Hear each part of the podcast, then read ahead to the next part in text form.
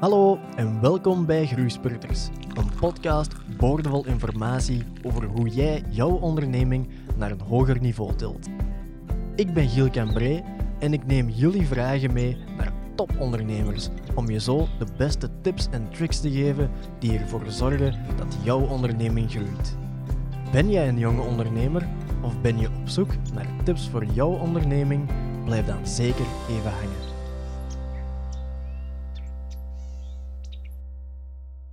Welkom bij aflevering 3 van Groeispurters, een uh, podcast die antwoorden zoekt op de vragen van de startende ondernemer. Ik zit hier bij Oliver van Creatix. Hallo Oliver. Hey, dag Giel. Uh, zeg eens, wat doen jullie eigenlijk hier bij Creatix? Het is een hele toffe vraag waar het heel moeilijk is om een antwoord uh, op te geven. Hè. Heel veel startups hebben een pitch. Um, wat wij doen is eigenlijk bedrijven digitaal ondersteunen. Dat is een super brede term. Um, wij zijn begonnen met heel breed te werken in alles van websites tot marketing tot grafisch ontwerp tot wat dan ook dat je eigenlijk kunt bedenken. Sinds het begin van 2018 hebben we daar toch een, een bepaalde focus gekozen. En dat is echt op die conversiegerichte websites gaan mhm. werken. Maar wil dat zeggen, we bouwen niet langer alleen mooie websites. Die website die moet ook voor iets zorgen. Want mhm. anders gaan bedrijven investeren in een website. Zij het meer omzet, meer aankopen, meer leads, meer inschrijving op een nieuwsbrief. Dat zijn conversies. Dus onze websites zijn conversiegericht. Wat moeten we nu doen om mensen naar uw website te krijgen? Dat is online marketing. Dus wij focussen vooral op conversiegerichte websites en online marketing om meer mensen naar die website te krijgen. Dat is wat wij hier dagdagelijks doen. Nu, je bent gestart als student, neem ik aan. Of heb, mhm. ik, heb ik dat gehoord? Um, wat waren uw eerste succesvolle stappen richting CreateX? Uw eerste succeservaringen? Hm. Naar een boekhouder gaan en vragen wat moet dat spelletje hier eigenlijk kosten om een VOF op te richten? En waar houdt dat allemaal juist in? Want ik denk dat we daardoor nu zo succesvol kunnen zijn, doordat we het vanuit de juiste redenen zijn gestart. We zijn niet gestart met, wij willen ondernemer worden en dan een idee gaan zoeken daarvoor wij hadden een idee en mhm. dan kwam daar ineens bij kijken, ah ja, dan zit een ondernemer, ah ja, dan moeten we een B2-nummer gaan aanvragen, ah ja, dan moeten we een bedrijfsnaam hebben, dan moeten we een VOF hebben, dan verandert er heel veel. Wij zijn gewoon begonnen met het feit dat ik al van mijn 12 jaar aan het ondernemen ben, waarbij dat het verhaaltje dat ik in elke podcast toen maar wel waar is, dat mijn pa zei van, um, kijk, op je 12 jaar, je krijgt van mij geen zakgeld, heb jij iets nodig, dan vraag je het maar maar dat was natuurlijk met de catch dat dat alleen basisgoederen waren. Mhm. Dat waren kleren en wat dan ook. Maar ik was een fervente gamer. Nieuwste games van 50, 60 euro, dat kan ik niet zomaar vragen. dus ik moest een manier vinden om geld te verdienen. Op mijn 12 jaar. Mis dat ik een, een zware gamer was, World of Warcraft, RuneScape, allerhande um, dacht ik van oké, ik kan wel wat beginnen experimenteren met grafisch ontwerp bijvoorbeeld.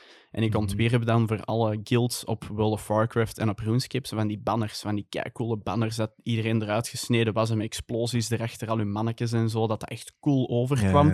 Op forums werd dat vaak gebruikt en zo. Um, en zo ben ik een beetje centjes beginnen verdienen. Dat is dan uitgegroeid tot mijn 16 jaar, waar ik een YouTube-kanaal ben begonnen over gaming-content. Dan had ik daar een partnership gehaald met, uh, met Maker Studios, wat een onderverdeling was van Disney, waar dat PewDiePie ook een tijd bij zat, bijvoorbeeld. Ik denk als een van de eerste Belgen, er wordt nu vaak gezegd, oh, de eerste Belgische YouTubers. Mm Goh, ik was er al een tijd geleden mee bezig. Uh, ik was er acht jaar geleden al mee bezig. Um, niet op een hoog niveau. Ik denk dat ik uiteindelijk ik denk op een miljoen views gestrand ben, maar toch wel een aantal populaire video's van Call of Duty en Black Ops. Begon daar wat centjes mee te verdienen. Begint een beetje naam te maken. En dan kreeg ik de vraag van een vriend van mijn vader van ja, kijk, kan je websites bouwen? Ik kon dat helemaal niet. Ik kon designen wel, maar ik kon niks coderen. William, mhm. mijn schoolvriend, die ook aan Karel de Groot was beginnen studeren, maar ik kende hem al van het middelbaar, wou daar wel in proberen en zien, oh, wat geeft dat? We kunnen niet mhm. zien dat we samen iets kunnen doen. Eigenlijk dat projectje afgerond. En dan dacht ik van, oké, misschien zit er wel een markt achter. Misschien is dit wel een gat in de markt. Betaalbare websites was dat toen in der tijd. En um, dan zijn we gewoon aan een gegaan en gezegd van oké, hoe kunnen we hier nu iets officieel, iets legaal van maken? En zo zijn we onze ondernemerscarrière gestart. Is dat nu een van de eerste successen? Ik vind dat wel, want je moet ergens natuurlijk je eerste stap zetten. Het speelde dan ook in ons voordeel dat wij vanaf dag één de eerste klant eigenlijk hadden binnengehaald. Um, het is op een manier gebeurd dat je denkt, dat zou nu niet meer werken. We hebben gewoon een mhm. Facebookpagina gemaakt, erop gepost hallo, wij bouwen nu websites, denk u, heeft er iemand websites nodig of zo? en daar heeft iemand op gereageerd. En dat was een webshop um, voor onze eerste klant dan, die tevens nog altijd klant is bij ons na vijf jaar. hebben daar een webshop voor gemaakt. Wij wisten niet hoe dat we een webshop moesten maken, dus we hadden die verkocht voordat we het wisten hoe dat we dat moesten doen. Zij zijn daar ook van op de hoogte natuurlijk. We hebben dat Ja, niet eh, nee, nee, nee. verzwegen. En ehm, dat is een succes geworden. Zij heeft doorgerefereerd. En kijk, nu zijn we vijf jaar later en op een heel andere schaal bezig. Dus dat waren die eerste stappen, die eerste succesvolle dingen dat we gedaan hebben.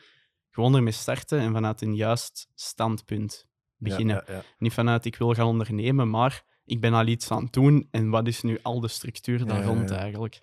Nu, je hebt die, die website gebouwd, die Mhm. webshop, maar je, je, je kende er eigenlijk zelf bitter weinig van. Mhm. Heb je de- al die informatie om dat te doen gewoon gegoogeld? Of, Mhm. of ja, echt, je hebt dat Ja. gewoon gegoogeld. Zoveel mensen vergeten dat je alles kunt googlen en op YouTube kunt opzoeken.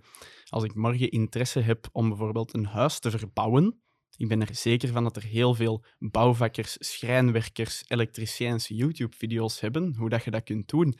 En dat is wat experimenteren en dat is wat zien. Maar je moet daar gewoon zelf een consistent verhaal van maken Ja. en je kunt elke skill online leren. Ik heb alles online geleerd. Alles wat ik wil doen, leer ik online. Je leert het meeste door het te doen. Dus chance dat we dat project hadden binnengehaald, want dat gaf voor ons ook een deadline van tegen dan moeten we het echt wel zien dat we het Ja, rond hebben. Maar dat hebben we allemaal gegoogeld, allemaal op YouTube opgezocht. En dat was het voordeel van onze leeftijd toen in der tijd. Ja, je neemt heel snel dingen op. Hè. Mhm. Was dat een perfecte webshop? Absoluut niet. Nee. Maar het deed wat dat die mensen nodig hadden op die moment. Dus iedereen was gelukkig. En je hebt er iets uit geleerd, uiteraard. Absoluut. En het, was ook, het waren ook onze eerste centjes en ons eerste Ja. project in ons portfolio. En zo zijn we kunnen starten, maar allemaal Google en YouTube. En als iemand tegen mij zegt, ik kan het niet, ik ken het niet, ik weet niet hoe ik eraan moet beginnen, vraag ik altijd, en hebben we het al eens op Google opgezocht? Mhm, mhm. Is het dan zo dat je- als je als jonge willende ondernemer zegt van eh, ja, ik, ik zit hier een idee, kan ik dan niet gewoon alles googlen en gewoon stoppen met school? Zou dat gaan bij iedereen? Of, of ben je nog altijd er zeker van dat je je school eerst moet afwerken vooraleer dat je een succesvolle onderneming moet opstarten? Of kunt opstarten? Ik denk dat beide zaken naast elkaar kunnen leven. Hè. Ik, ik, allee, het wordt vaak samengekoppeld, eh, stoppen met school, de, de drop-outs en dan succesvol worden en zo. Mhm. Ik denk dat beide dingen perfect naast elkaar kunnen leven. Het hangt er een beetje vanaf hoe snel dat je zelf wilt gaan en wat dat je wilt dat je focus is. Hè. Ik eh, ben samen met William Quedix opgestart en als wij op KDG aan het studeren waren. Ik deed cross-media management. Hij deed toegepaste informatica of zoiets, denk ik. Ehm, voor ons ging de richting niet snel genoeg. Dat wil niet zeggen dat die richting per se slecht is Mhm. wij wouden gewoon heel hard en heel snel gaan. En daarom zijn wij gestopt met school, omdat wij, wij hadden gewoon een focus nodig. En ik kon niet twee meetings op een dag inboeken en dan in de namiddag nog naar de Franse les gaan. Ik zag al Ja. voor mij in mijn toekomst van, ik ga dat niet nodig hebben, die Franse les. Want heel veel mensen zeggen, het is België en je moet tweetalig zijn. Goh, je kiest nog altijd met welke soort klanten Ja, dat ja, je ja. samenwerkt. En zelfs al heb je een klant die in het Frans dingen wil doen, daar bestaan vertalers voor en die zijn er veel beter in dan wat ik zou opgedaan hebben van kennis op school. Dus school en ondernemerschap kunnen naast elkaar leven. Mhm. Het is gewoon een beetje van welke focus wil je hanteren. Wil je heel hard gaan voor je bedrijf? Geloofde er echt super hard in en gaat u niet in een financiële put duwen door te stoppen met school? By all means, probeer het. Hè. Mhm. School en hogeschool is ook een klein beetje tijd kopen. Hè. Ja. Het is niet als iemand hier komt solliciteren met een diploma, een bachelor van een zeer algemene richting, dat ik denk, die kent daar alles over. Die heeft wat theorie gezien, die heeft wat praktijk Mhm. gezien, maar hogeschool is vooral tijd kopen. En ik ben zeer blij dat het er is, want zeer veel jongeren hebben er nood aan om tijd te kopen momenteel, om te zien wat ze willen doen in Ja, deze ja. drukke wereld. Blijf naar school gaan als het school goed blijft voelen. Ga niet meer naar school als je denkt dat je iets beter kunt doen, maar dan moet je er wel hard voor gaan. Je kunt niet stoppen met school en dan af en toe eens wat ondernemen en meer gaan Nee, feesten dan dat je aan het werken bent. Dat is ook niet echt een optie. En persoonlijk voor u, wat, zeiden de mama en de papa toen, toen dat je besloten hebt van oké, ik ga hier gewoon echt stoppen met school en, en gaan voor Creatix? Ik heb natuurlijk nooit zo op die moment gezegd. Hè. Ehm, dat is wat gaandeweg gekomen natuurlijk. Ik heb Mhm. niet ineens gezegd van ik stop met school en ik ga volledig voor Creatix. Die zagen ook wel van kijk, ga minder naar de les, Ja. ga meer werken. Ja. En dat is gewoon gaandeweg gekomen. En vanaf dat wij... Allee, wij zijn altijd cashflow positief geweest. We hebben altijd goede cijfers gehad. Maar vanaf dat je ook wat cijfers kunt voorleggen van zie dus wat dat wij van omzet draaien op een jaar, dan is het al iets gemakkelijker om dat gesprek te hebben van Mhm. denk toch niet dat ik nog naar school ga gaan. Maar volledige steun daarin gekregen. Ik kom ook uit de familie van zelfstandigen. Mijn, mijn opa en mijn oma waren ook ehm, zelfstandigen. Dus ik heb daar zeer veel van geleerd. Gezond boerenverstand van geleerd. Dus Dat was een gemakkelijke pitch voor mij. Dat was misschien Mhm. de gemakkelijkste pitch dat ik heb gedaan, om te zeggen dat ik het eh, allemaal op mijn eigen ging doen. Nu, je hebt, je hebt besloten om je echt te specialiseren in ja, een bepaalde niche. Mhm. Ehm, hebt gekozen om, om te gaan voor die, die websites te bouwen en de marketing erachter. Dus Mhm. het niet breed houden. Mhm. Is dat iets dat de hedendaagse ondernemers en starters dan zeker moeten doen? Of kunnen we nog altijd breed starten en groeien naar een bepaalde niche? Mhm. Ik geloof in breed starten en dan groeien naar een niche. Het is een beetje hetzelfde traject dat je door heel je leven loopt. Hè. Je eerste jaar in het middelbaar, dat is ook niet een specialisatie meteen in een specifiek vak. Je ziet ook heel veel dingen. En dan kun je gaan beslissen van, ga ik economie studeren, ga ik wetenschappen studeren, ga Mhm. ik naar handel gaan, wat, wat het ook allemaal is. Ehm, ik ben zelf een fan bij het ondernemerschap. Je moet eerst zeer breed gaan en zien van, wat interesseert mij nu echt? Wat kan mij echt boeien? Waar ben ik nu dagdagelijks graag mee bezig? Ja. En voor ons was dat die combo. Waarom? Het is een heel logische combo ook. Voor online marketing hebben een website nodig. En elke website heeft wel online marketing nodig. Dus als we beide zaken Ja. kunnen aanbieden, hebben wij ook beide zaken in handen. En kunnen wij heel snel schakelen voor onze klanten. Want er is niets lastiger dan een marketingcampagne te willen starten. En dat je nog wacht op gegevens van een andere developer, omdat je daar een lijn code moet opzetten om bijvoorbeeld het aantal kliks te tracken. Als wij beide dingen kunnen doen, dan gebeurt dat allemaal op vijf minuten. En dat zorgt ervoor dat je zeer efficiënt kunt werken. En dat is voor ons ook wel belangrijk, dat je slim en efficiënt ehm, Mhm. kunt werken. Dus dat is waarom dat wij die focus daarop hebben gekozen. Doen we binnen vijf jaar iets anders? Zijn wij specifieker op één richting uitgegaan? Dat kan, maar je moet dat wat aanvoelen. Ja, Je kunt alles in een strategisch plan uitschrijven, maar je moet dat aanvoelen. En als 70% van onze klanten naar hier komt voor een website te laten bouwen, dan moeten we niet ineens zeggen, ja, maar wij gaan alleen maar SEO doen vanaf Nee, nu. nee, nee. nee, Nee, nee. Je moet wel zien wat dat je graag doet en wat dat de markt vraagt. Ja, ja, dus je bent ook een beetje een voorstander van het, ja, het go with the flow mentaliteit Mhm. binnen het ondernemen. Ehm, nu, daar komen sowieso een aantal valkuilen bij kijken. Zeker als je go with the flow gaat. Heb Mhm. jij die zelf ondervonden, echt, die, die valkuilen? Of, of bent je daar eens gewoon eens doorgewalst? Of hoe heb je dat aangepakt? Goh, ik denk dat iedereen daar wel mee geconfronteerd wordt. hè, Maar je moet gewoon heel hard in jezelf geloven. Heel hard in jezelf geloven. Want als je eens een mindere maand draait, bijvoorbeeld, wat nog altijd goed is voor ons, maar wij pushen ons super hard. Maar Ja. allee, als uw omzet eens iets minder is in een maand, dan moet je heel hard in jezelf geloven dat dat die volgende maand wel goed komt. Omdat we ook een paar bewuste keuzes gemaakt hebben. Hè. Wij, wij doen geen cold calling. Wij sturen nooit e-mails naar bedrijven van hey, hebben jullie een nieuwe website nodig? Mhm. Wat veel andere mensen in de sector wel doen. Maar dat is omdat ik daar persoonlijk niet in geloof. Ik geloof in een relatie opbouwen met je klanten en ik geloof in een verhaal te vertellen. En daarom hanteren wij dat inbound marketing principe. Wat ervoor zorgt dat het aantal leads dat je krijgt zeer hard varieert. Want je hebt het niet zelf in de hand. Je wacht bij wijze van spreken tot mensen u contacteren. Dus je moet heel hard in jezelf geloven dat je denkt van, het was deze week wat rustiger, volgende week zullen er wel nieuwe Ja, mensen komen. Dus het is een valkuil om heel snel te willen reageren op zaken. Als het eens twee weken wat rustiger is, dan moet je niet ineens heel krampachtig sales gaan doen of marketing gaan doen of wat dan ook. Je moet echt in jezelf geloven. En dat is een moeilijke, denk ik, op jonge leeftijd om te ondernemen, omdat we zijn een generatie die toch met zeer veel dingen geconfronteerd wordt. Alles moet zeer snel gaan, je moet instant succes hebben, je moet rijk zijn binnen het jaar, je moet meteen een miljoen op de bankrekening hebben staan. Ja, nee. En je moet erin geloven dat je er traag maar gestaag ook geraakt en dat je zeer duurzaam kunt ondernemen en niet ten koste van anderen je resultaten wilt bereiken en zo. Dus dat is bijvoorbeeld wel een valkuil dat je moet zien dat je het geloof in jezelf bewaart. En dat is niet gemakkelijk. Dat is niet gemakkelijk. Dat is echt niet want er gemakkelijk. zijn heel veel starters die, die, die de vraag stellen van, kijk, hoe kan ik ja, snel, heel snel, heel hard groeien, terwijl dat ze eigenlijk niet bezig zijn met hoe kan ik ervoor zorgen dat een, een gezond bedrijf is, hoe kan ik ervoor zorgen dat ik binnen ja, vijf, vijf, zes jaar er nog sta. Mhm. En ik denk dat dat wel iets is dat jij van het begin af aan goed gedaan hebt. Ehm, Geluisterd. We hebben geluisterd, Giel. En dat is iets wat dat weinig gebeurt. En ik heb je net onderbroken en dat is kei ironisch. maar het is wel zo. Je moet luisteren naar je cijfers en je moet luisteren naar wat dat mensen zeggen. Ja. Maar je moet ook zelf je beslissingen erin kunnen maken. We zijn vijf jaar bezig. We hebben nu pas onze eerste twee fulltime medewerkers aangeworven. Wij konden eigenlijk al twee jaar geleden doen als je keek naar onze omzetcijfers. Waarom doen we dat nu pas? Omdat ik er zelf nog niet klaar voor was. Als je fulltime medewerkers hebt, dan moet je ook een managerpositie kunnen opnemen. Je moet die ook kunnen aansturen. Je mhm. moet daarmee communiceren. Dat was iets wat voor mij zeer moeilijk ging, omdat ik nog zo jong was. Nu ben ik 24 en ik ben nog altijd piepjong, maar ik heb wel het gevoel dat ik al meer maturiteit heb opgebouwd om ook een team aan te sturen. Dat ik kan luisteren naar wat dat zij nodig hebben, dat zij luisteren naar wat ik nodig heb. Twee jaar geleden konden we dat niet doen. Dus je Mhm. moet enerzijds luisteren naar je cijfers en wat dat je ziet gebeuren, maar anderzijds moet je ook luisteren naar jezelf. Naar jezelf, ja. Ben ik hier zelf al wel klaar voor? En daarmee dat wij die stappen traag maar gestaag zetten, omdat ik eerst van iets redelijk zeker wil zijn voordat ik het onderneem. Die twee mensen die hier nu zitten, en William, die geven mij het vertrouwen dat ik een bepaalde koers kan varen met dit schip.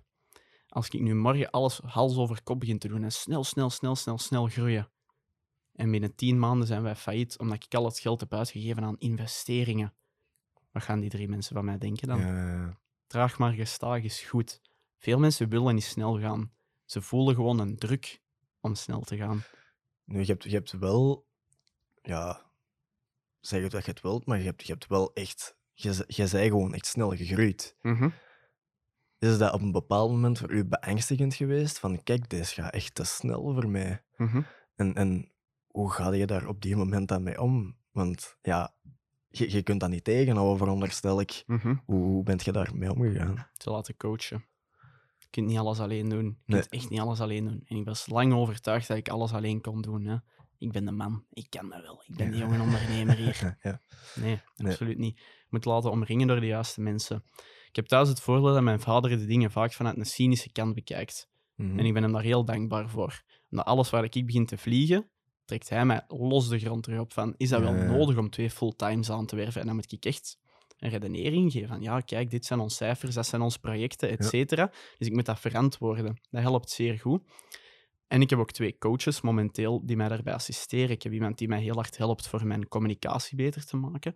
En ik heb ook iemand die nu helpt met het bedrijf wat meer te coachen van waar willen we naartoe, hoe willen we dat doen, hoe moeten we projecten aanpakken, hoe moeten we dat brieven, hoe moeten we dat allemaal doen. Zeer belangrijk om je te laten omringen. En dat zijn investeringen waar dat je echt wel heel veel return on investment uithaalt. Dus je Mhm, moet mhm. ook beseffen dat je niet alles alleen moet doen. En naast die coaches heb jij, heb jij daarnaast nog een mentor echt? Of zijn het alleen de coaches die u helpen en kun je daar Creatix mee, ja, gezond mee houden, zal ik Hm. zeggen? Coach is een mentor voor mij. Maar je moet nog altijd, er zijn nog veel dingen dat je zelf doet. hè. Het is niet als je een mentor hebt dat je ineens succesvol bent. Je moet het allemaal wel zelf doen. Ehm, mijn coach is mijn mentor. Ik ben daar nu net nog maar een traject mee opgestart. Dus het Mhm. meeste heb ik de laatste vijf jaar zelf gedaan. Maar nu wil ik het natuurlijk naar de next level brengen. Je moet vooral het zelf kunnen doen. Een coach dat moet assisterend zijn. Dat moet u Mhm. ondersteunen. Hetzelfde met heel mijn fitnessverhaal. Ik heb een personal trainer. En dan veel mensen zeggen, ja, dan is het gemakkelijk. Hoezo?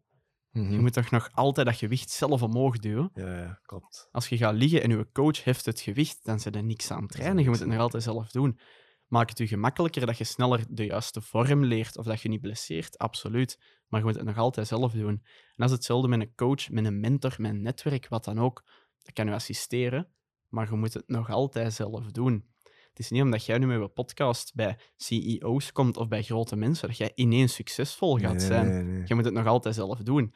En alles wat je opvangt tijdens dit gesprek of deelt met een buitenwereld, dat moet je nog altijd zelf doen. En na dit gesprek moet je dat allemaal gaan editen en achtereen knippen en juist gaan steken en teasers gaan maken en je social media gaan beheren. Dat heb ik niet voor u gedaan. Hè? We hebben hier maar een gesprek gehad. Dat is hetzelfde met coaches, met mentors, met wie dan ook dat je laat omringen. Je moet het nog altijd zelf doen. Niemand kan het voor u doen. En is dat een, een, een fout die velen maken volgens u? Van kijk, ik ga, ik ga hier eh, met, met, met mijn coaches babbelen en die gaan mij op een bladje geven. Kijk, hier is een checklistje. Als je die afloopt, dan heb je een, een, een goed bedrijf opgebouwd. Is dat een fout dat veel ondernemers op dit moment maken volgens u? Of, of ben je er zeker van dat vele ondernemers toch wel goed weten waar ze mee bezig zijn als ze, als ze starten? Ik denk ten eerste dat weinig ondernemers naar een coach gaan. En ik denk dat ondernemers die naar een coach gaan, die gaan er niet naartoe voor een lijstje te krijgen met wat ze moeten doen. Want dat is eigen aan een ondernemer. Ze willen het nog altijd zelf doen, ze willen het zelf ondernemen. Soms heb je gewoon een ander perspectief nodig op de zaken. Tijdens die coaching heb ik ook gewerkt op een aantal thema's die voor mij belangrijk zijn. Maar dat wil niet zeggen dat ik de volgende dag daarmee aan de slag ga. Dat kan zijn dat dat twee maanden duurt voordat ik daarmee aan de slag ga, bijvoorbeeld. Dus veel ondernemers laten zich niet coachen omdat ze denken dat ze het allemaal zelf moeten doen. Mhm. Een coach is zeer handig, maar je moet het allemaal zelf uitwerken. En ik denk dat weinig ondernemers zo'n lijstje gaan aanvaarden. Die wil dat nog altijd op hun eigen manier doen. Je, Ja, je, ja, ja. je kijkt gewoon naar wat andere mensen zeggen en je pikt daar soms iets uit. Dat is hetzelfde met businessboeken. 400 pagina's, 399 pagina's filler en één pagina dat je denkt van, dat haal ik eruit. Dat moet ik hebben. Ja. Eh, nu, er, er zijn heel veel luisteraars die ja, heel jong zijn. Je bent zelf ook heel jong begonnen. Mhm. Ehm, is, is dat iets dat, dat u tegengehouden heeft? Als in, bent jij altijd au serieus genomen? Of, of zijn er momenten geweest waarop dat er mensen naar u keken van uh, Isse, snotneus, dat zal het eens komen vertellen. Mhm. Ehm, zijn die momenten daar geweest en hoe bent je daar dan mee omgegaan? Het is heel grappig, hè? want enerzijds voor de digitale revolutie hebben we jonge mensen nodig, want wij zijn er heel snel mee weg en wij begrijpen het allemaal. Toen als we begonnen was dat even van, ja, en de jonge gasten en ze gaan het hier doen. En dan werden wij wel redelijk serieus genomen. Maar na een paar maanden was het van, goh, een VOF dat jullie hebben, kan dat factureren? Je hebt dan een BTW-nummer. Die geloofden dat zelfs niet. Hè? We voelden heel snel, we moeten een BVBA hier gaan hebben Mhm. om serieus genomen te worden.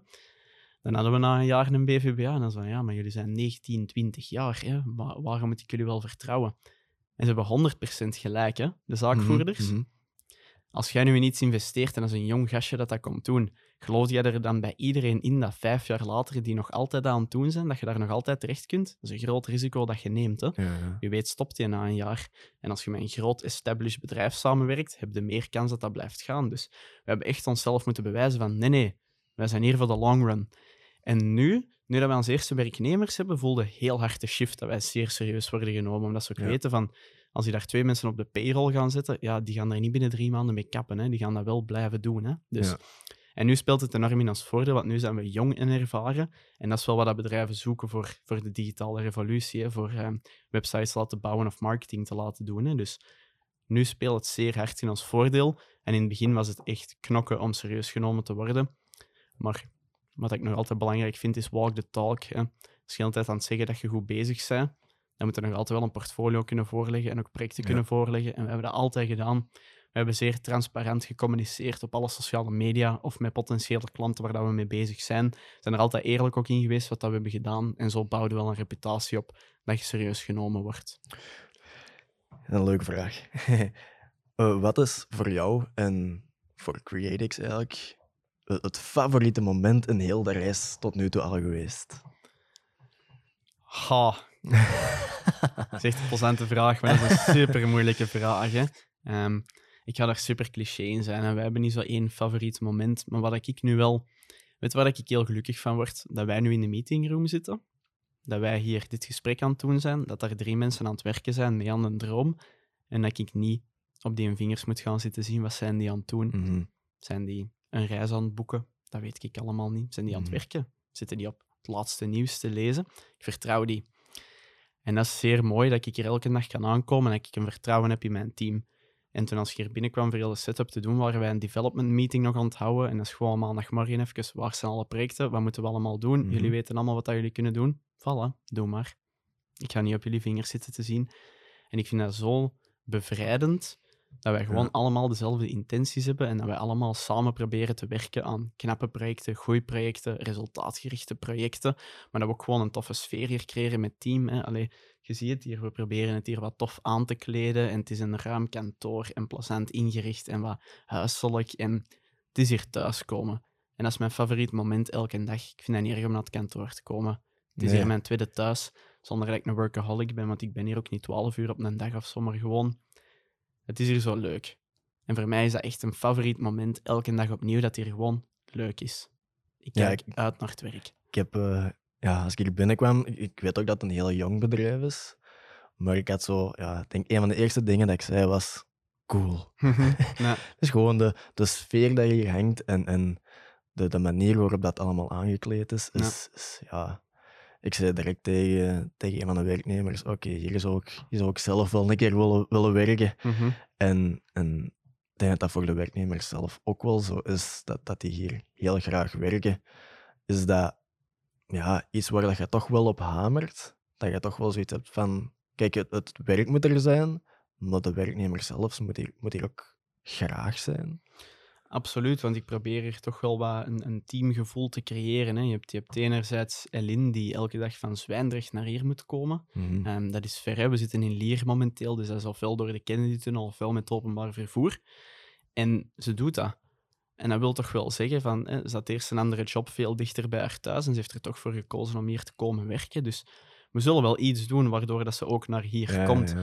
En ik probeer het hier gewoon leuk te maken, omdat ik zo stressvrij mogelijk probeer te leven. Een beetje stress is altijd goed, maar waarom zouden we ons onnodig opboeien in de zaken? En ik denk het feit dat hier alles redelijk gestructureerd verloopt, dat we Mhm. allemaal ons planning hebben, dat we allemaal weten wat we moeten doen, maakt het dat het hier gewoon wel aangenaam werken is. En Mhm. ook van, volgens de sector is vastgelegd dat Elin een half uur lunchpauze krijgt en Wim ook bijvoorbeeld, maar soms zitten wij een uur en een kwartier aan die tafel daar nog te lachen en hoe was het weekend en Mhm. filmpjes te laten zien aan elkaar. En het is hier geen, het is hier geen fabriek.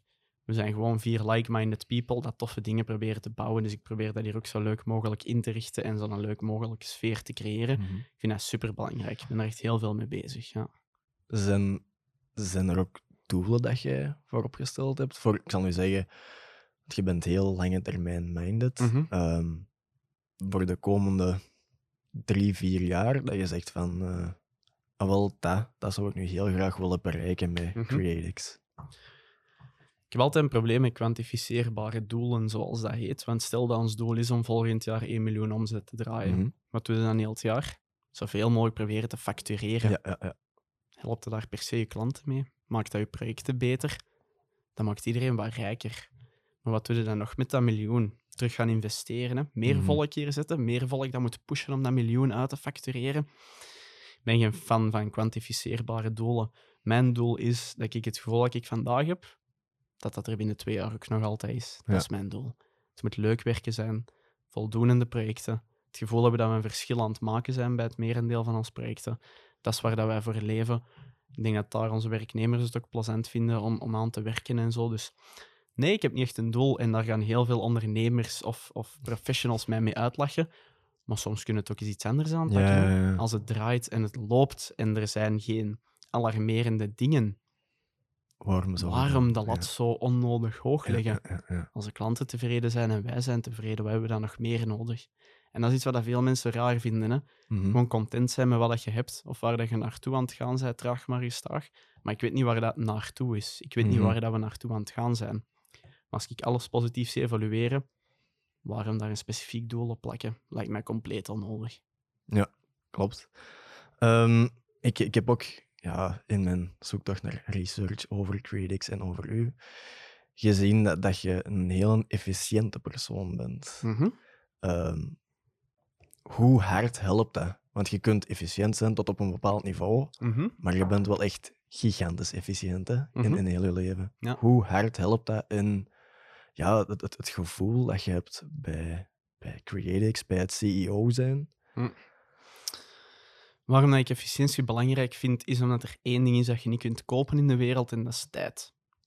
Dus hoe meer tijd dat je over hebt, hoe meer dat je tijd kunt spenderen. Hoe efficiënter dat je bent, hoe meer tijd dat je overhoudt op een dag. Mhm. Waarom zou ik aan iets drie uur zitten als ik het ook op drie minuten kan doen, bij wijze van spreken? Ja, ja, ja. En heel veel mensen zijn, zijn inefficiënt omdat ze niet de moeite doen om bij elke taak of bij elk project of wat ze voorgeschoteld krijgen, eerst twee minuten na te denken over hoe pak ik dat hier nu best aan. Mhm. Dat is iets wat ik heel veel doe. Ik probeer altijd eerst na te denken van hoe pak ik dat hier nu het beste aan.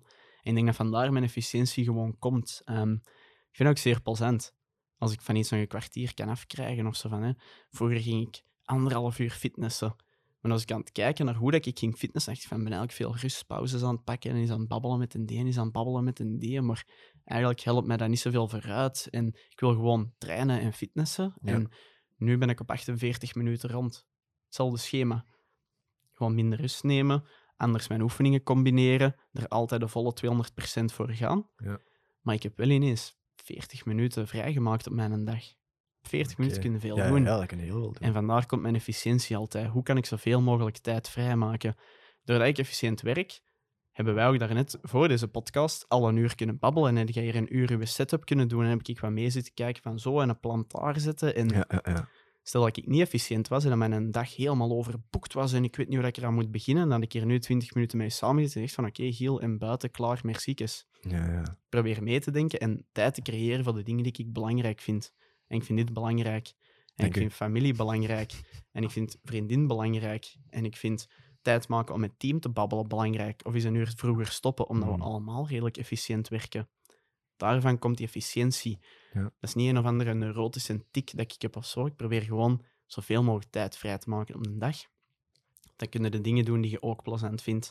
En dat je elke dag 14 uur aan het werken bent, kunt zeggen dat je het plezant vindt, dat je passie is en wat dan ook dat je ervoor mhm. leeft, je gaat een burn-out krijgen. Ja, ja, Sowieso. En dat probeer ik te vermijden. Dat is, ja... ik, vind, ik vind dat geweldig. Mhm. Dat je... Ja, heel veel mensen die werken vanuit efficiëntie, maar blijven dan toch nog ja, tien uur werken op een dag. Absoluut. En, en bij u is dat van, ja kijk, ik kan deze op een kortere tijd, dus ga ik niet dat werk, of die tijd dat ik over heb, nog steken in een beetje meer werken, maar in uh, de focus leggen op hoe voel ik mij hier, hoe voelt mijn team zich hier. En ik denk dat je daar heel verschillend bent. Ja veel mensen willen efficiënter werken om nog meer te werken op een mhm, dag. Bij mij mm niet, ik wil net minder werken, maar hetzelfde goede werk afleveren. Er was een quote, ik denk dat Bill Gates was en het kan compleet fake zijn, maar ik vond het wel grappig van als ze moet kiezen tussen een, een gemotiveerde developer in te huren of een luie developer, dat hem sneller voor een luie kiest, omdat die mhm. lui zo snel mogelijk een manier zal vinden om zo weinig mogelijk werk te doen, maar wel het werk dat van hem gevraagd wordt. dus het zo efficiënt mogelijk te doen. Ik vond altijd een toffe quote. Hoe dat je het vertelt, zal iets anders in elkaar zijn, want die is wel waar. Ik denk dat ik ergens in mij, voor zo hard dat ik ga, ergens ben ik wel lui, denk ik. Mhm. Want ik probeer het zo efficiënt mogelijk ook allemaal te doen. Dus ik denk dat dat een goede mindset is. Gewoon altijd al je eigen processen herevalueren. En vooral meer tijd proberen vrij te maken voor andere dingen. Want in het leven moet in alles een balans hebben. Je moet een balans hebben tussen werken, sociaal leven, tijd voor jezelf. En dat is wel een probleem dat ik bij veel jonge ondernemers ook zie terugkomen van ze gaan van 0 naar 100. Hè. Alles is mm zwart-wit. De ene moment zitten de hele tijd Netflix te kijken en niks te doen. En dan willen ze ondernemen. En dan zijn ze ineens nachtje door en hustle hard en on the grind en elk weekend werken. En zie je zo cool dat wij zijn, want wij werken elk weekend. Wij zijn beter dan de mensen die alleen maar in de week werken. Daarmee oppassen. Ik werk niet in het weekend en onze zaak gaat redelijk goed. Mm Dus ik denk niet dat je in het weekend moet werken om een goede zaak te hebben. Vooral zien dat je in alles een balans vindt. Is dat niet eigen aan, aan de studenten tegenwoordig? Dat, dat je, ja, je, je, je werkt in, in, ik zal nu zeggen, in september, oktober werk je een beetje minder. En in november begin je te voelen van, oké, ik heb hier een paar deadlines. En in december ja, mm zijn dan nachtjes door, allemaal achterin. Is dat niet, ja, iets, iets dat, dat normaal is, zal ik zeggen? Is dat niet iets dat het is wat een steekvlam, hè. je ziet dat heel vaak terugkomen. Hè. Dat is een steekvlam. Hè. Dat doet niet veel en dan ineens gaat dat heel hard. Hè. Mhm. En wat ik altijd probeer te doen, ik denk dat dat een van mijn succesfactoren is, is, is consistentie. Als je ene keer in de week keihard gaat fitnessen, ja, maar je gaat meer resultaat boeken als je drie keer in de week medium gaat fitnessen. Mhm. Je moet gewoon consistent zijn. En dat is super belangrijk in alles wat dat je doet. En de studenten zullen dat wel ingebakken hebben, maar dat is misschien ook de mensen in je leefomgeving of die jij ziet. Er zullen ook een pak studenten zijn die wel heel het jaar lang hun werk bijhouden en eigenlijk redelijk goede resultaten boeken doordat ze dat gedaan hebben. En die zitten met veel minder stress tegen de examenperiode, want die zijn al voorbereid. Dus niet alles moet een steekvlam zijn, niet alles moet de ene dag 19 uur op een dag werken en dan, oh, ik heb een dag verlof nodig, want ik heb me echt overgewerkt. Hè. Mm Probeer nu eens gewoon consistent heel de week lang een bepaald tempo aan te houden. Je zult zien, leven wordt echt rustig. Leven is echt gemakkelijk, maar we maken het gewoon moeilijk. Mm -hmm. Dat is allemaal niet nodig. Meestal vraag ik ehm, aan, aan de mensen dat ik interview op de podcast nog, nog voor een één ultieme tip voor onze starters. Nu, jij bent iemand dat, dat, een pad bewandeld heeft dat heel veel van onze luisteraars zouden willen bewandelen, volgens mij. Mhm. Dus dan nu ga ik niet vragen voor één tip, maar voor uw drie ultieme tips um, voor de hedendaagse starters. Hm. In het algemeen probeer het gewoon eens wat trager te gaan, maar probeer het consistent te doen, zoals ik daarnet zei. Mm -hmm. Probeer slimmer te werken en niet harder te werken en probeert vanuit de juiste overweging te beginnen met ondernemerschap. Niet omdat je een ondernemer wilt zijn, niet omdat je entrepreneur in je bio wilt zetten, niet omdat je een miljoen per jaar wilt verdienen, maar omdat je een hedendaags probleem ziet waarvan dat jij denkt dat je de oplossing kunt bieden. Mhm. Want uiteindelijk, wij zijn maar een marketingbureau, wij zijn maar een bedrijf dat websites bouwt, maar wij zagen wel de problematiek dat je twee soorten websitebouwers had vijf jaar geleden. En er zullen er ongetwijfeld in het midden zitten, don't quote me on this, maar Ja, ik ja. dat zag, had enerzijds de amateurs, de hobbyisten, de studentjes, zoals dat wij ook begonnen waren, die 500 euro voor een website vroegen. En je had anderzijds de grote bureaus die zeer sterke kwaliteit leverden, maar ook met een overhead zaten waar dat je ineens 30.000 euro voor een website moest betalen. Wij, zijn, wij hebben geprobeerd om in dat gat te duiken, Mhm. ertussen ergens te bewegen. Omdat er nog niet zoveel bedrijven dat toen deden. Zal er ongetwijfeld wel geweest zijn, maar weinig. Dat is wat dat wij zagen. Ja. En we zijn vertrokken vanuit de vraag al. Iemand had al gevraagd om aan ons een website te bouwen. En dan lukt het ondernemerschap redelijk goed. Maar als je begint met ik wil ondernemer worden en dan moet mijn idee afkomen, vaak gedoemd om te falen. Ja, ja, ja. Dus je moet vanuit de juiste overwegingen starten met ondernemer te worden. Niet iedereen moet ondernemer zijn. Ik ben er stevast van overtuigd dat het in u zit van bij de geboorte al. En je voelt dat wel ergens kriebelen. En aan een tijd komt dat wel naar boven en zul je er iets mee doen. Je kunt ondernemerschap niet echt leren. Het moet echt in u zitten. Je moet echt een bepaalde... Ja, je moet daar feeling mee hebben. Mhm.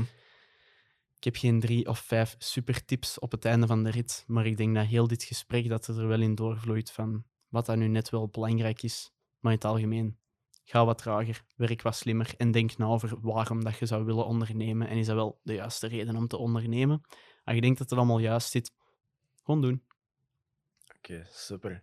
Eh, dan ga ik u vriendelijk bedanken. Eh, Zeer graag gedaan.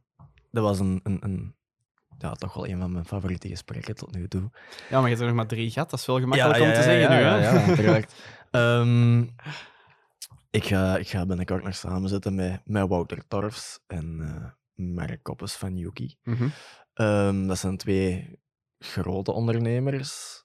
Als, als ja, ik ga niet zeggen beginnende ondernemer, maar als jonge ondernemer zijn er, zijn er dingen die dat je aan, aan een Wouter Torfs of een, een Mark Koppes zou, zou willen vragen over hun succes. Wel, ik heb Mark niet zo goed had mij verteld van, van Yuki dat het Ja, was. ja, ja. Ehm, heb ik al wel eens zien passeren, maar ik zou eerder aan, aan Wouter eens...